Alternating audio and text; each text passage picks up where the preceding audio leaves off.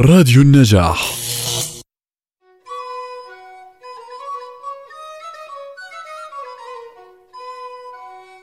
اليوم هو أول يوم بفصل الربيع. ولأنه الجو كتير حلو ومشمس فكنت حاسة بطاقة إيجابية. كنت عم فكر شو يلي ناقصني بحياتي لتصير أحسن. يمكن لازم أشتغل أكتر وأرفع راتبي.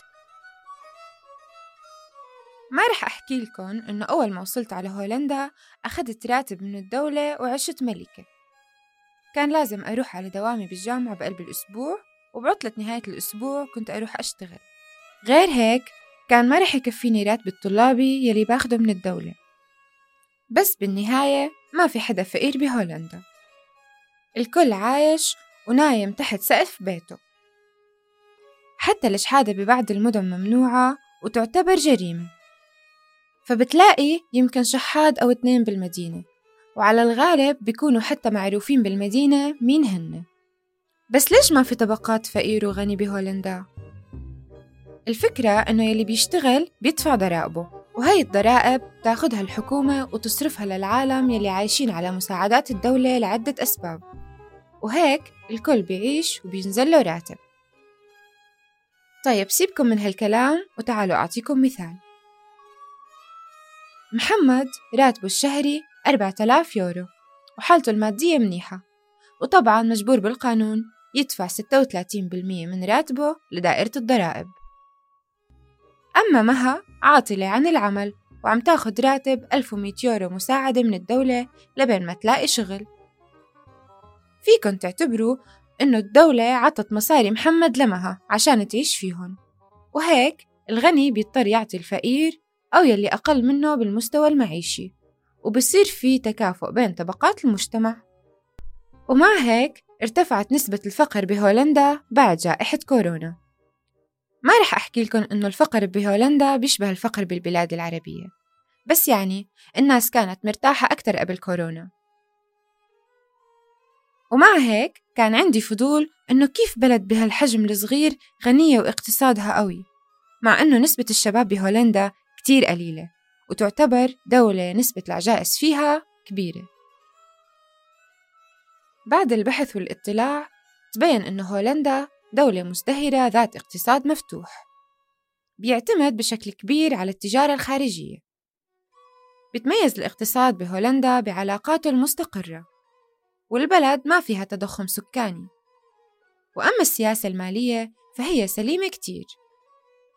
هولندا إلها دور مهم كشريان نقل أوروبي. أشهر التجارات والصناعات الرئيسية فيها هي الأغذية وتكرير النفط وتصنيع الأجهزة الكهربائية. وعلى الرغم من أنه 4% فقط من السكان العاملين الهولنديين بيشتغلوا بالزراعة إلا أنه هذا القطاع بينتج كميات هائلة من المواد الغذائية وبيصدرها. فهولندا هي تاني أكبر مصدر للمنتجات الزراعية والبستانية. بعد الولايات المتحدة. تخيل أن الاقتصاد الهولندي بالمرتبة 15 من حيث أكبر اقتصاد في العالم.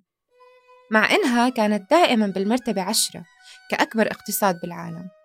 بس تم تجاوزها من قبل الاقتصادات سريعة النمو مثل المكسيك وكوريا الجنوبية. وطبعا من وقت ما إجيت وأنا أحاول أحفظ أشكال العملة النقدية يلي هي اليورو. وقلت الحمد لله يلي ما إجيت على وقت العملة القديمة لأنه كانت أصعب. هولندا مو من زمان استبدلت عملتها الخولدن باليورو. بال 2002 استبدلوا الخولدن يلي بيستخدموه من القرن السبعة عشر باليورو. وطبعا الكل بيعرف قوة اليورو بالسوق.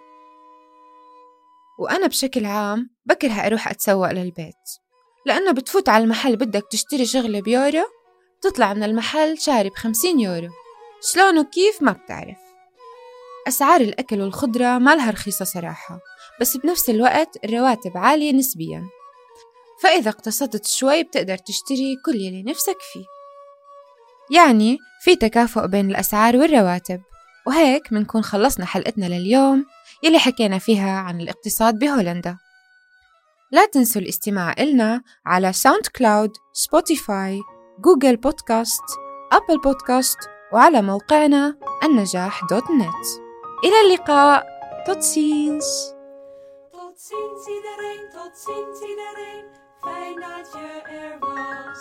Tot ziens iedereen, tot ziens iedereen, fijn dat je er was.